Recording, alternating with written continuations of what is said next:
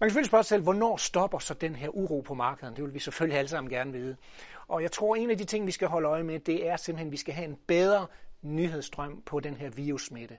Det skal være sådan, at vi ligesom kan komme til et punkt, hvor vi siger, så nu er det værste vist ved at være overstået. Vi behøver ikke at være til det punkt, hvor der ikke er flere nye smittede. Øh, markederne de reagerer altid meget på forhånd.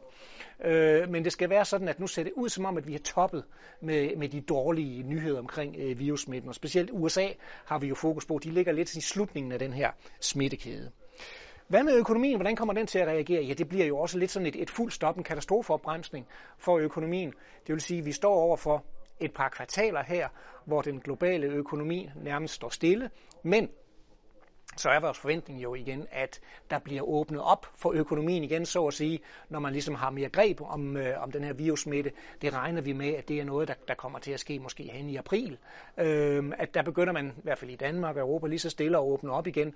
Og så får vi selvfølgelig, mange har et opsparet forbrugsbehov, og, og der vil være ligesom, så kommer der ligesom et, et boom igen, kan man sige, i økonomien.